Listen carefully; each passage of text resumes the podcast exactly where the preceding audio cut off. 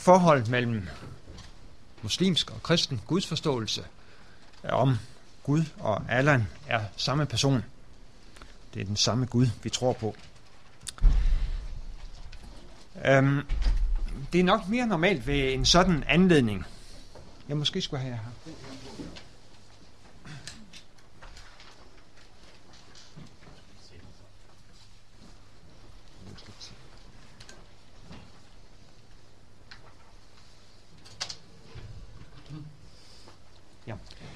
Øhm, det er nok mere normalt ved en sådan anledning, og sikkert også mere klogt, at fremlægge nogle af guldkornene fra det, som man allerede har arbejdet med i lang tid. Hvis der da ellers findes nogle guldkorn. Leif Kim Sørensen, som øh, nu om dage er journalist på Christi Dagblad, han var tidligere aktiv student her på stedet. Og han annoncerede for en del år siden, hvor jeg synes, at jeg havde skrevet en hel del, for en udgivelse af mine samlede skrifter, mine samlede værker. Han vedlagde et prøveeksemplar, og det var tomt. Der var omslaget, og ikke andet. Men så havde jeg altså også mobbet ham sådan grundigt i tiden inden da, så det var... Øh, men øh, sådan bliver det, ikke, øh, bliver det ikke i dag. Altså det her med det gamle hæderkronede og, og guldkorn og den slags ting. Her er ikke tale om forskningsresultater, som er sikret i alle ender og kanter. Et af privilegierne ved at have et job, som jeg nu har haft i 25 år, er muligheden for at kaste sig over nye, vigtige emner. Og et af dem, som nu presser sig på, og som jeg for nylig har kastet mig over, er religionsteologien. Hvordan skal vi som kristne anskue andre religioner? Tror vi, som de religiøse pluralister og de liberale hinduer mener, dybest set alle på den samme Gud – eller er den treenige Gud den eneste Gud og troen på Jesus Kristus den eneste vej til frelse? Og mere specifikt, er Gud og Allan blot forskellige betegnelser for den samme Gud?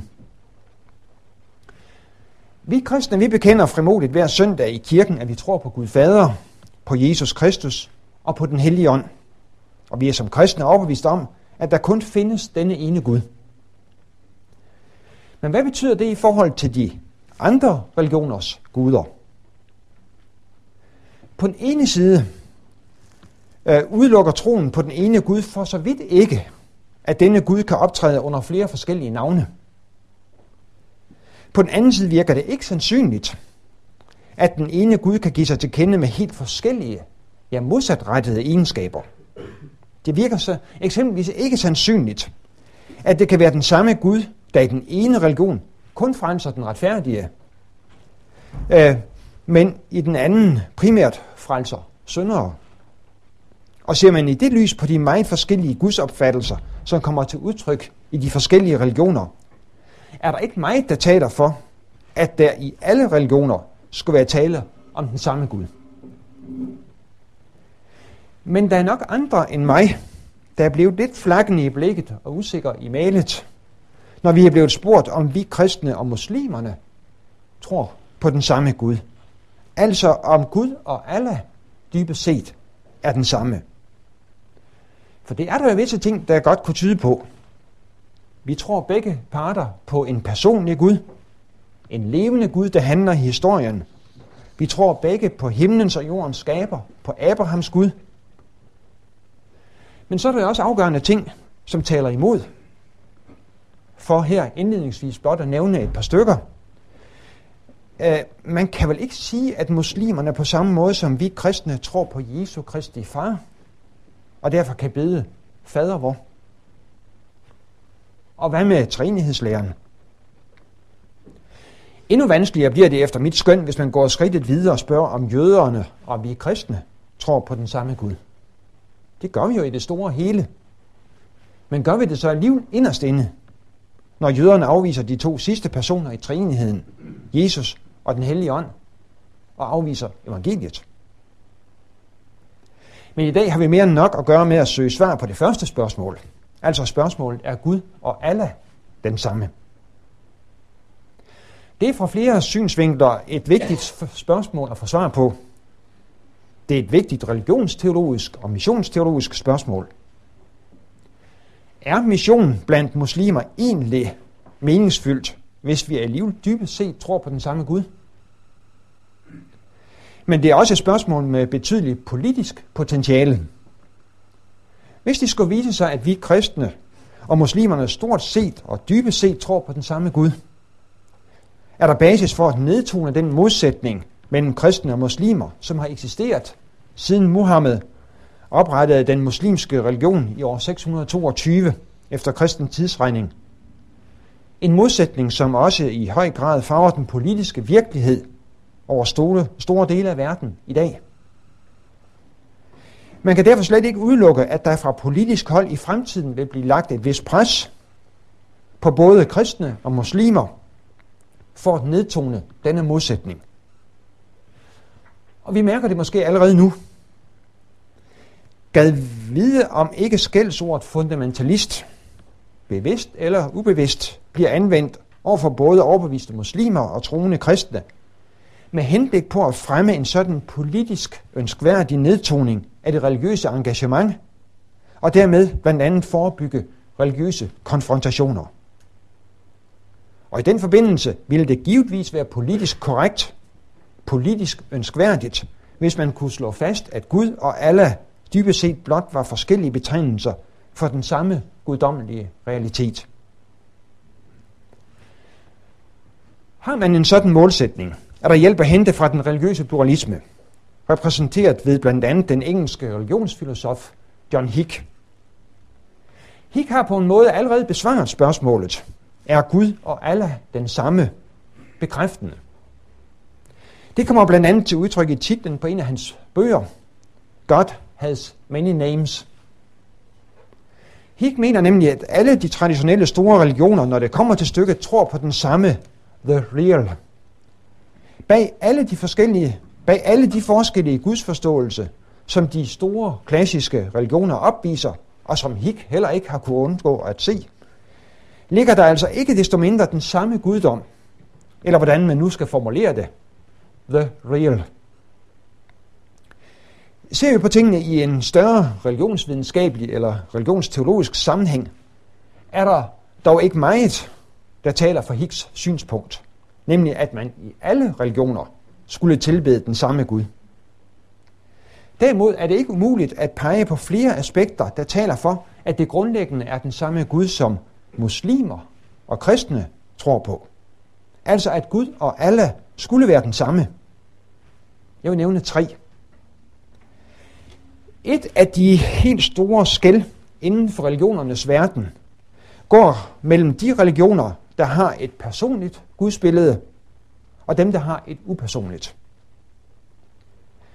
En anden afgørende skillelinje går mellem de religioner, der anser Gud for at være identisk med verden, altså en eller anden form for panteisme, og dem, der tror, at Gud er forskellig fra verden. En tredje væsentlig forskel drejer sig om, hvorvidt Gud rummer både godt og ondt, eller er hævet over godt og ondt, eller om man forestiller sig Guds væsen som moralsk kvalificeret. Vi kristne fremhæver eksempelvis med baggrund i 1. Johannesbrev 4.9, at Gud er kærlighed. Se man nu mere nærmere efter, øh, gælder det for alle disse afgørende punkter, at de religioner, der har deres udspring i Indien, altså hinduismen og buddhismen primært, stort set befinder sig på den ene side af skillelinjen. Og de mellemøstlige religioner, jødedom, kristendom og islam på den anden side. Hinduismen og buddhismen har et upersonligt gudsbillede. Jødedom, kristendom og islam har et personligt. Hinduisme og buddhister Øh, anser Gud for at være identisk med verden. Jødedom, kristendom og islam anser Gud for at være forskellig fra verden. Hinduismen og buddhismen regner Gud for at rumme både godt og ondt, eller at være hævet over en sådan sondring. Mens jødedom, islam og kristendom, med et vist forbehold for islam, regner Gud for at være moralsk kvalificeret. Men dermed er der, samtidig med John Hicks pluralistiske gudsopfattelse, som jo går ud på, at alle de klassiske store religioner skulle repræsentere, repræsentere den samme guddom. Altså samtidig med, at den opfattelse bliver undergravet, så er der jo ting, der tyder på, at jødedommen, kristendommen og islam grundlæggende har den samme gudsforståelse. Og at det derfor ikke er utænkeligt, at Gud og alle blot kunne være forskellige betegnelser for den samme guddom. Og faktisk kaldes den jødisk kristne Gud, der også for Allah i Koranen. Det skal man dog næppe lægge alt for meget vægt på, alt den stund, at Allah er den traditionelle arabiske betegnelse for Gud, ikke en speciel islamisk betegnelse. Men holder det nu ved nærmere undersøgelse stik, at Gud og Allah er den samme? Ja, hvordan undersøger man det nærmere? Man kan overveje at få en officiel og repræsentativ udtalelse om spørgsmålet. Men allerede her løber vi jo ind i et afgørende metodisk problem. For hvor finder man en repræsentativ forståelse af kristendommen? Er det paven? Er det biskopperne? Og lige så problematisk bliver det for islams vedkommende. For islam er slet ikke den enhed, som vi ofte går og forestiller os.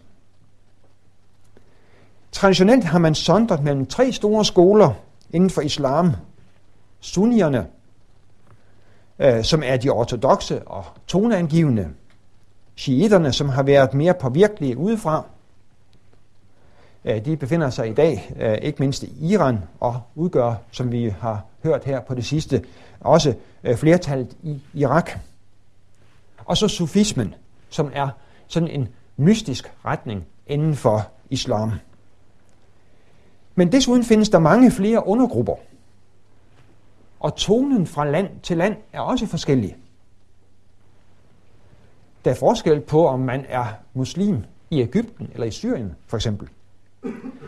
Og så er der i islam på samme måde som i kristendommen forskel på den officielle dogmatik og så den praktiske gudstro. En nærliggende løsning, når det er så vanskeligt at få en, rep- en repræsentativ tolkning, går selvfølgelig ud på, at så må vi holde os til de afgørende kildeskrifter. Bibelen og Koranen.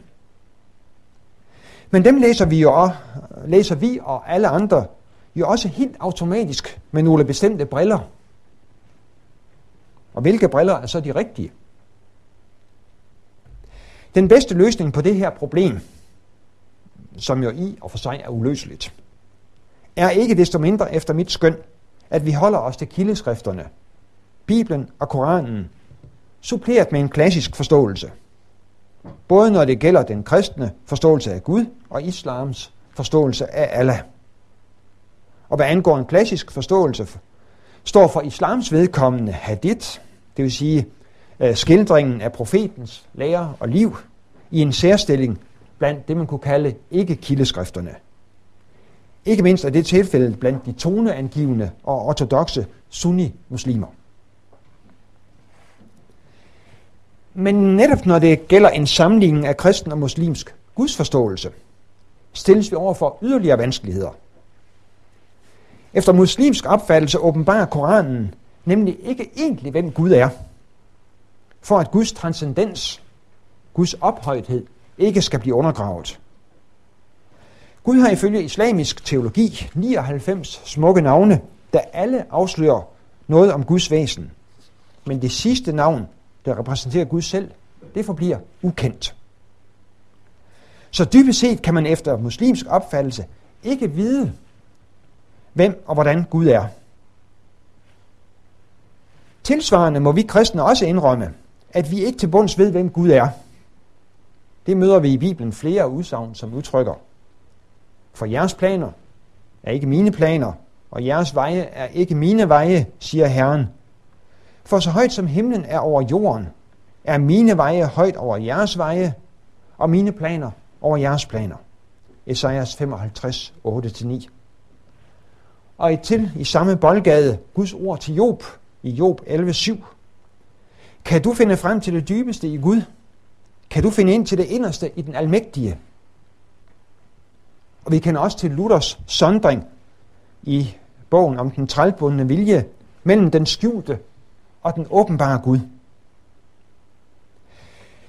Men kristne teologer har på trods af dette normalt ment, at selvom vi ikke kender Gud til bunds, så kender vi ham dog tilstrækkeligt og klart, via hans handlinger i historien, via hans ord, og ikke mindst via åbenbaringen i Jesus Kristus. Så de nævnte begrænsninger, som både muslimer og kristne er underlagt, skal altså ikke hindre os i, med passende forbehold, at sammenligne muslimsk og kristen gudsforståelse. Men hvad skal der egentlig til, for man med god ret kan hævde, at der er tale om den samme gudsforståelse? Hvor mange fælles træk skal der til, og hvor mange dybgående forskelle kan man acceptere? Har vi i folkekirkene for eksempel uden videre den samme gudsopfattelse, når nogle hævder den dobbelte udgang, altså at der både er mulighed for frelse og fortabelse, mens andre øh, vil hævde alles frelse. I udgangspunktet kunne noget tyde på, at klassisk kristendom har mere til fælles med muslimerne. Eksempelvis troen på en personlig Gud, troen på en skaber og dommer, en levende Gud, der handler i historien osv., end med en del kristne teologer. Men hvad skal der til, for at man kan tale om den samme gudsopfattelse? Det har John Hick gjort sig nogle overvejelser om, netop når det gælder forhold mellem jødedom, kristendom og islam. Han skildrer først tre forskellige måder, hvorpå man kunne forestille sig, at det var den samme Gud, man tilbeder. For det første, de tre religioner taler om den samme Gud, men bruger forskellige navne om ham. Denne forståelse kan Hik dog ikke tilslutte sig. Dertil er de tre religioners fortællinger om Gud for forskellige. Den anden måde går ud på, at de tre religioners fortællinger om Gud kan kombineres til en omfattende fortælling, der, refer- der refererer til den samme Gud. Men heller ikke denne opfattelse kan Hik tilslutte sig. Det skyldes ikke mindst, at jødedommen og islam afviser det, som står allermest centralt i kristendommen, nemlig at Gud har inkarneret sig, er blevet menneske i Jesus Kristus. Endelig overvejer Hik, om de tre religioner kan tale om den samme Gud, uden at vide det. Men her er ikke dette er ifølge Hik nogen løsning. Og alligevel ender Hik med en løsning, der minder meget om den sidste opfattelse. Nemlig med at påstå, at det er den samme Gud, som man dybest set tilbeder i alle religioner – det skyldes, at Hik på kantiansk vis skældner mellem Gud, som han viser sig, Gud i hans erscheinung, og Gud, som han er i sig selv, antik. Og de forskellige religioners gudsforståelse er ikke blot erscheinungen, men også farvet af menneskers kreative indsats. De forskellige religioner er med andre ord en kombination af Guds, the reals, til synekomst og menneskelig konstruktion og kan derfor godt tænkes at være fremtrædelsesformer for den samme guddommelige realitet, the real. Den her opfattelse, som Hick øh, gør sig til talsmand for, bliver fra mange sider bedømt som slet og ret en fordom, som ikke harmonerer med de konkrete religioners selvforståelse, men som alene skal tjene til at give Hick en slags god samvittighed for hans religiøse relativisme. Men selvom heller ikke jeg har meget til overs for Hicks løsning, er der gode grunde til, at vi nu, når vi nu skal overveje forholdet mellem Gud og alle, at kaste et blik på nogle af de forståelser, som han forkaster, inden han når til sin egen problematiske konklusion. Og det drejer sig som nævnt om tre. Nemlig for det første, at de forskellige religioner taler om den samme Gud, men bruger forskellige navne om ham. For det andet, at de forskellige religioners fortællinger om Gud kan kombineres til, til en omfattende fortælling, og for det tredje, at de forskellige religioner taler om den samme Gud, uden at vide det. Ikke mindst den første forståelse er en nærmere undersøgelse værd. Kunne det tænkes, at Gud og alle blot er forskellige betegnelser for den samme guddom? Det må efter min opfattelse af, blandt andet afgøres af, om de afgørende grundtræk ved Guds opfattelsen passer om på både Gud og Allah altså afgøres af de basale skillelinjer. Alle dem, som jeg skitserede for, et, for nogle minutter siden.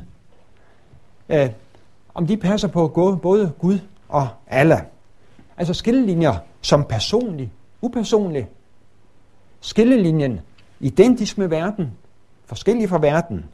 Skillelinjen rummende både godt og ondt, alene øh, kvalificeret Gud. Og endelig må det afgøres, når det nu er kristendommen, som er inde i billedet som det ene sammenligningsled, hvor det afgøres af synet på Jesus.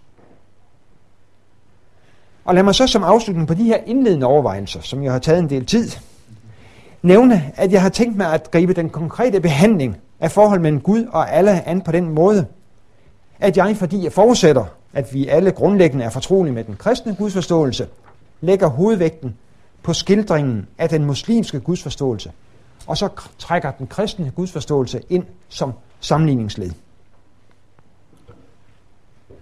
Grundtræk ved den muslimske gudsforståelse. Grundtræk ved den muslimske gudsforståelse. Hvor buddhismen stort set ikke interesserer sig for Gud, drejer alle ting i islam sig til syvende og sidst om Gud, om Allah. Også mere end i kristendommen. Gud efter muslimsk opfattelse, den ene almægtige og ophøjede Gud, som vi mennesker skal underkaste os totalt. Islam betyder at underkaste sig, og måske betyder ordret stedet, hvor man ydmyger sig, kaster sig i støvet. Det er selvfølgelig ikke muligt at give en omfattende beskrivelse af problematikken i en kort forelæsning. Ikke engang når vi, som vi nu gør i det følgende, koncentrerer os om den muslimske gudsforståelse. Ifølge islamisk teologi har Gud 99 smukke navne, som alle afslører noget om Guds væsen. Ja, ifølge Shorkat Mukhari, øh, så findes der næsten 200 navne om Gud. Blot at remse dem op ville tage en stor del af vores tid. Og der findes mindst 20 forskellige meninger om selve ordet Allahs betydning og afstamning. Jeg vil derfor gribe sagen an fra den vinkel, at jeg vil fokusere på de mest betydningsfulde træk ved den muslimske gudsforståelse. Og i den over forbindelse overveje, om der findes et primært træk, som farver alle de andre. Og hvad det betyder for relationen til den kristne gudsforståelse. Desuden vil jeg kort skildre den muslimske opfattelse af Jesus, og på den basis mener jeg, at det skulle være muligt at sammenligne den kristne øh, gudsforståelse og den muslimske, og konkluderer vedrørende spørgsmålet, er Gud og Allah den samme? Det kan diskuteres, hvad der er det mest dominerende træk ved islams gudsforståelse. Tre træk kommer, så vidt jeg kan skønne, i første række. Allahs ophøjethed, at Allah er en, og at han er barmhjertig. Og alle tre træk finder vi jo betegnende nok også som centrale i kristendommens gudsbillede. Gud er den ophøjede. Himlens og jordens skaber. Gud er den eneste Gud. Gud er barmhjertig. Og alt det afslører, hvor nært forbunden kristen og muslimsk Guds opfattelse er. Men her er det for det første vigtigt for en bedømmelse af forholdet mellem kristen og muslimsk gudsopfattelse at få gå klart, hvordan muslimerne forstår de enkelte betegnelser. Og for det andet at få et billede af, hvor de lægger vægten. Lægger de vægten på Guds enhed, eventuelt i bevidst konfrontation med den kristne trinitetstænkning, lærerne om de tre, om, øh, om treenigheden, eller lader man alles ophøjthed farve hans barmhjertighed, eller omvendt. Hvis det sidste er tilfældet, at Allahs barmhjertighed får lov til at farve hans ophøjthed, så vil det at gøre en harmonisering af islams gudforståelse med den kristne noget lettere, end hvis man lader Allahs ophøjthed være det toneangivende træk. Men det er ikke helt let at afgøre, hvad der egentlig er det dominerende træk i den muslimske gudsopfattelse. Der findes gode argumenter for alle tre opfattelser. Og jeg vil nu tage den i tur og orden, og først se på, at Allah er barmhjertig. Allah er barmhjertig. Allahs barmhjertighed er et yderst fremtrædende træk ved den muslimske gudsforståelse. Det fremgår allerede af indledningen på den første sura i Koranen, det vil sige det, du kan sammenligne med det første kapitel i Bibelen. Indledningen lyder sådan, i Allahs forbarmerens den barmhjertiges navn. Og den her første sura, som anses for at udgøre en sammenfatning af hele Koranen, lyder i sin helhed således. I Allahs, forbarmerens, den barmhjertiges navn. Lovprisning tilkommer alle verdenernes herre, forbarmeren, den barmhjertige, dommedagens hersker. Dig tjener vi, og dig anråber vi om hjælp. Led os af den rette vej, deres vej, hvem du er nådig, over hvem der ej er vrede, og som ikke far vil. Her benævnes Allah forbarmeren, den barmhjertige, og der tales om, at han er nådig. Og ikke blot denne her første sura, men også alle de andre, bortset fra sura nummer 9, indledes med ordene i Allahs forbarmerens, den barmhjertiges navn. Dette indikerer stærkt, at det mest centrale og karakteristiske, der kan siges om Allah, er, at han er barmhjertig. Og hvis det er tilfældet, kan der jo ikke være langt til den kristne gudsforståelse. Men det forudsætter jo selvfølgelig, at man i muslimsk tænkning forstår det samme ved Allahs barmhjertighed, som man i kristen tænkning gør ved Guds barmhjertighed. Og det er i det mindste usikkert, om det er tilfældet. En antydning af en mulig forskel får man allerede af det faktum, at mens kærlighed og barmhjertighed jo nærmest fungerer som synonymer i kristen terminologi, så glemmer kærlighed stort set ved sit fravær i Koranen. Allah bliver ikke kaldt kærlig, bortset fra to steder, og i listen over Allahs mange smukke navne, findes der faktisk tre, som vi kristne gerne vil have set der, men som altså ikke er der. Nemlig, at Allah kaldes fader, ånd og kærlighed. Og når der tales om Allahs kærlighed til mennesker, hvilket der faktisk gøres en del steder, er det både en betinget kærlighed, en kærlighed, der belønner dem, der adlyder ham, og en kærlighed, der snarere udtrykker en herres tilfredshed med sine lydige tjenere, end et personligt, kærligt forhold. Selvom Koranen også rummer en enkelt undtagelse fra den her regel. Grunden til, at kærlighed spiller en så markant mindre rolle i den muslimske gudsforståelse, er efter alt at dømme, at kærlighed vil svække Allahs ophøjthed. Endnu en faktor, endnu et aspekt, fremmer mistanken om, at muslimer måske ikke forstår helt det samme ved Allahs barmhjertighed, som vi kristne forstår ved Guds barmhjertighed, er, at alle aldrig forstås som den kærlige og barmhjertige far. Det skyldes blandt andet, at det er nedværdigende for alle at blive kaldt far, fordi det antyder, at han har en hustru og har rolle børn. Men dette, at alle ikke forstås som far, det betyder så også, at lignelsen om den fortabte søn, som rummer det billede af Gud, som jeg personligt allermest forbinder med Gud, nemlig billedet af faderen, der løber sin vildfarende søn i møde, omfavner ham og kysser ham, ifølge islam, giver et aldeles upassende og forvrænget billede af Gud. Ligeledes sømmer det så ikke for mennesker at elske Gud, Allah, fordi et kærligt forhold antyder, at man er på lige fod.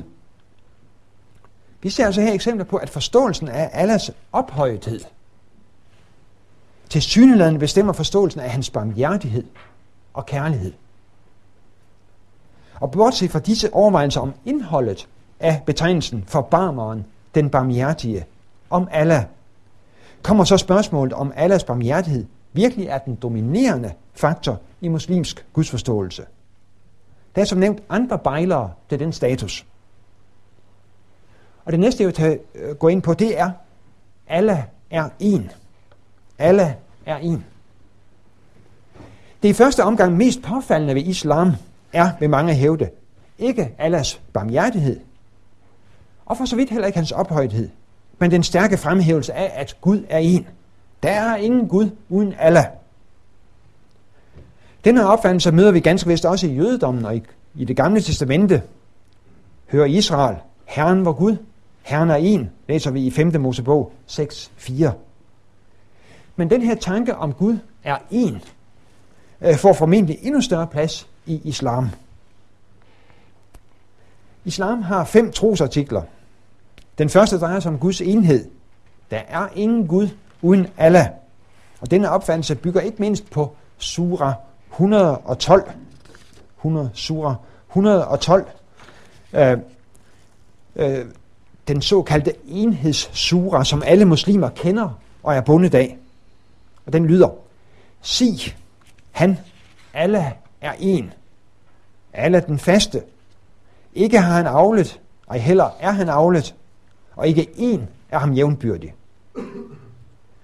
Vi bemærker her med udtrykket, ikke har han aflet en polemik imod kristendommens tale om, at Jesus skulle være Guds søn. Eller måske er der i lige så høj grad tale om en polemik imod det arabiske flerguderi på Muhammeds tid. Hvor vigtig denne opfattelse af, at der kun er én Gud, Allah, er fremgår også af, at den eneste synd, som Gud ikke tilgiver, er, at man tror på andre guder. Derfor må det selvfølgelig også afvises, at Jesus skulle være en del af en guddommelig treenighed. Og hvad angår treenigheden, har Koranen, Muhammed, i øvrigt den spøjse opfattelse, at den skulle bestå i Gud, Jesus og Jomfru Maria. Hvilket jo ikke er meget betryggende for tilliden til, at Muhammed i et og alt skulle være Guds ufejlbarlige talerør, eller blot være alment orienteret. Allahs ophøjthed er den tredje bejler til statusen om at være den mest dominerende træk. Allahs ophøjthed. Vender vi tilbage til den første sura, bliver Allah der ikke blot betegnet for barmeren, den barmhjertige, men også verdenernes herre og dommedagens hersker. Og hermed er Allahs ophøjthed antydet. Og i den anden, i den anden sura, vers 255, det såkaldte tronvers, bliver det sagt med klare ord. Sur 2, 255. Allah, der er ingen Gud uden han, den levende, den bestandige. Ham overvælder hverken søvn eller slummer. Ham tilhører, hvad der er i himlen og hvad der er på jorden. Hvem er den, der kan gå i forbøn hos ham uden hans samtykke? Han ved, hvad der er foran dem og hvad der er bag dem, og de erkender af hans viden intet uden hvad han vil. Hans trone omfatter himlen og jorden, og deres opretholdelse volder ham ikke besvær. Han er den ophøjede, den vældige. Og formentlig er det alles ophøjethed, der farver alt det andet, som udsiges om ham. Eksempelvis, som vi har set antydet, også hans barmhjertighed og kærlighed. Denne ophøjethed har mange facetter og konsekvenser. Allahs ophøjthed betyder, består blandt andet i, at han er dommedagens hersker. For Muhammed er Allah nok først af alt dommedagens hersker. Og ikke mindst Muhammeds første åbenbaringer og forkyndelse havde som et centralt element advarslen til samtiden om den nært forestående verdensdom og opstandelsen fra de døde. Alles ophøjthed forbyder ham desuden at stige ned til mennesker, hvilket vi vil vende tilbage til i forbindelse med islams forståelse af Jesus. Ligeledes forbyder Allahs absolute ophøjethed, at man egentlig kan vide, hvordan hans væsen er. Man kan, så Mukai fremhæver, ikke have absolut transcendens og selvåbenbaring, selvåbenbaring på samme tid. Desuden øh, afgør alles vilje alt.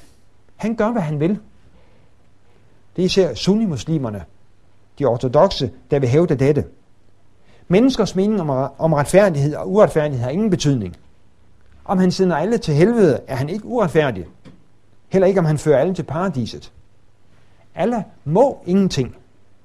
Han gør, hvad han selv finder for godt. Han ved alt, som eksisterer, både godt og ondt, nyttigt og skadeligt. Alt, som sker, forstås direkte som Allahs handling. Og Allah er også den, som fører vild. Ofte kan man tale om Allah som den uberegnelige despot. Andre gange ses han som den nådige forbarmer, der tilgiver synd.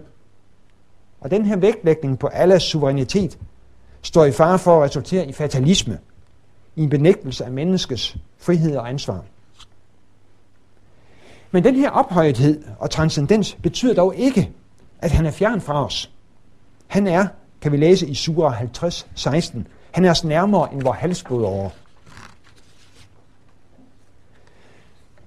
Skal vi se på de forskellige vurderinger inden for islam af de her tre afgørende træk, så gælder det, at de forskellige skoler inden for islam lægger vægten på forskellige sider ved Allahs væsen. Sufismen, altså den mystiske retning inden for islam, lægger vægten på Guds, Allahs barmhjertighed. Andre retninger lægger vægten på hans retfærdighed. Og sunnimuslimerne lægger hovedvægten på Guds suverænitet. Den mest normale ortodoxe opfattelse er at lægge hovedvægten på, at alle er almægtig. Han må ingenting, men gør, hvad han vil, uden forbehold.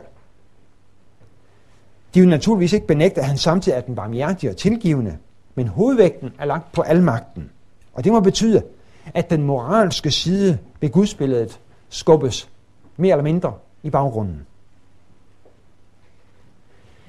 Efter de her tre elementer, Allahs barmhjertighed, hans enhed og hans ophøjthed, vender vi os dernæst, dernæst til det fjerde afgørende element, nemlig synet på Jesus.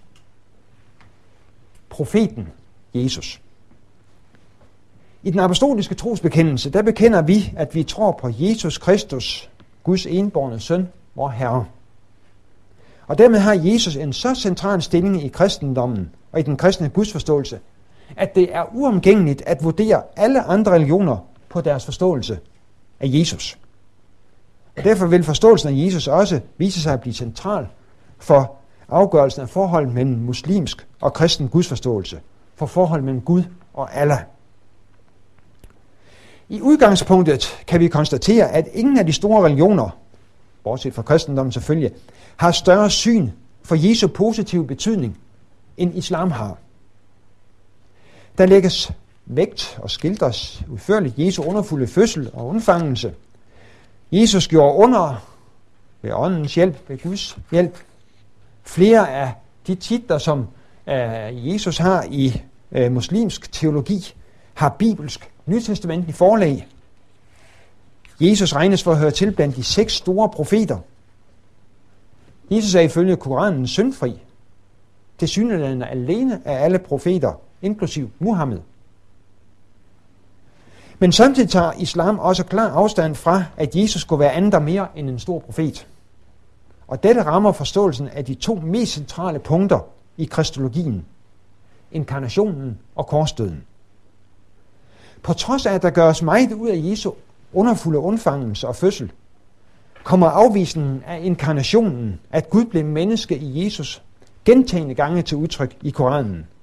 Eksempelvis i Sura 112. I Allahs forbarmerens, den barmhjertiges navn, sig han, Allah er en, Allah den faste. Ikke har han aflet, ej heller er han aflet, ja, og ikke en er ham jævnbyrdig. Dette udtryk, ikke har han aflet, det er uh, et udtryk blandt andet for afvisningen af, at Gud blev menneske i Jesus. Ja, Koranen går så vidt som til at forbande dem, der hævder, at Messias er Guds søn. Og ifølge islam er det også blasfemisk at forestille sig, at Jesus døde på korset. Gud lader ikke sine profeter lide og død, dø så forsmadeligt. Selvom der formentlig kun er én tekst i Koranen, nemlig sura 4, 157-159, som klart benægter Jesu korsfæstelse, er det ikke desto mindre gængs muslimsk opfattelse, at Gud lod en anden dø i Jesus sted. Hvordan det så kan lade sig gøre, når Johannes evangeliet beretter, at Jesu egen mor og flere af hans disciple var til stede og så ham blive korsfæstet, er en anden sag. Man kan godt spørge, hvordan kunne de tage så meget fejl? Men alt i alt betyder den muslimske opfattelse, at vel var Jesus en stor profet, men Guds søn og verdens frelser var han ikke. Det, som er selve omdrejningspunktet i den kristne tro, afvises dermed af islam. Så på dette punkt har Hik efter mit skøn vurderet ret. Kristendommens beretninger om Gud kan ikke harmoniseres med eksempelvis islams. Og dermed er vi fremme med afslutningen ved en vurdering. Jeg har i det foregående lagt op til, at vurderingen og konklusionen vedrørende forhold mellem Gud og Allah skal baseres på fire elementer. På forståelsen af barmhjertighed, enhed, ophøjthed samt på synet på Jesus. Men måske er det ikke helt fair. For eksempelvis forståelsen af Allah som skaberen minder for mig at se utrolig meget om den kristne forståelse. Også når det gælder creatio continua, at Gud han fortsat opretholder den her verden. Når tilsvarende gælder forståelsen af Allah som den levende Gud, der handler i historien, og som antydet ligger den muslimske forståelse af Allah som en person tættere på traditionel kristendom, end meget aktuel kristen teologi gør. Men med dette forbehold for, at der kan findes andre aspekter ved gudsforståelsen, som kan nuancere billedet, må vi på det foreliggende grundlag konkludere, at selvom den hyppige og fremtrædende brug er udtryk for Allahs barmhjertighed, i udgangspunktet lægger op til, at den muslimske gudsforståelse ligger tæt op af den kristne, så er det for det første tvivlsomt, om man i islam forstår helt det samme ved barmhjertighed som i kristendommen. Og for det andet synes egenskaben barmhjertig at blive overtrumfet af egenskaben ophøjet. Og det betyder, at den moralske side i gudsbilledet underbetones.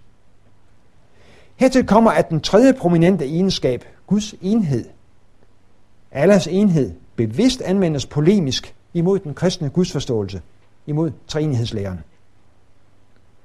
Og på samme måde som der ved de nævnte tre egenskaber i første omgang kan konstateres en påfaldende lighed mellem islamisk og kristen gudsopfattelse, gør noget lignende sig også gældende vedrørende synet på Jesus.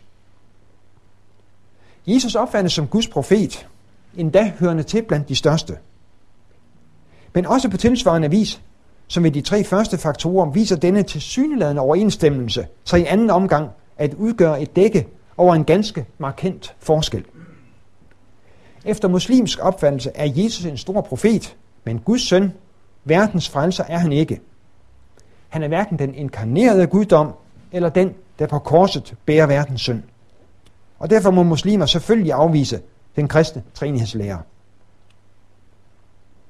Måske kan man sige, at debatten mellem kristne og muslimer om forståelsen af Jesus er en gentagelse af problemstillingen fra koncilet i Kalkedon. Var Jesus en profet, eller var han Gud? Og i Kalkedon lagde man sig fast på, på det, som også for mig at se, er den indlysende tolkning af det nytestamentlige Jesus-billede.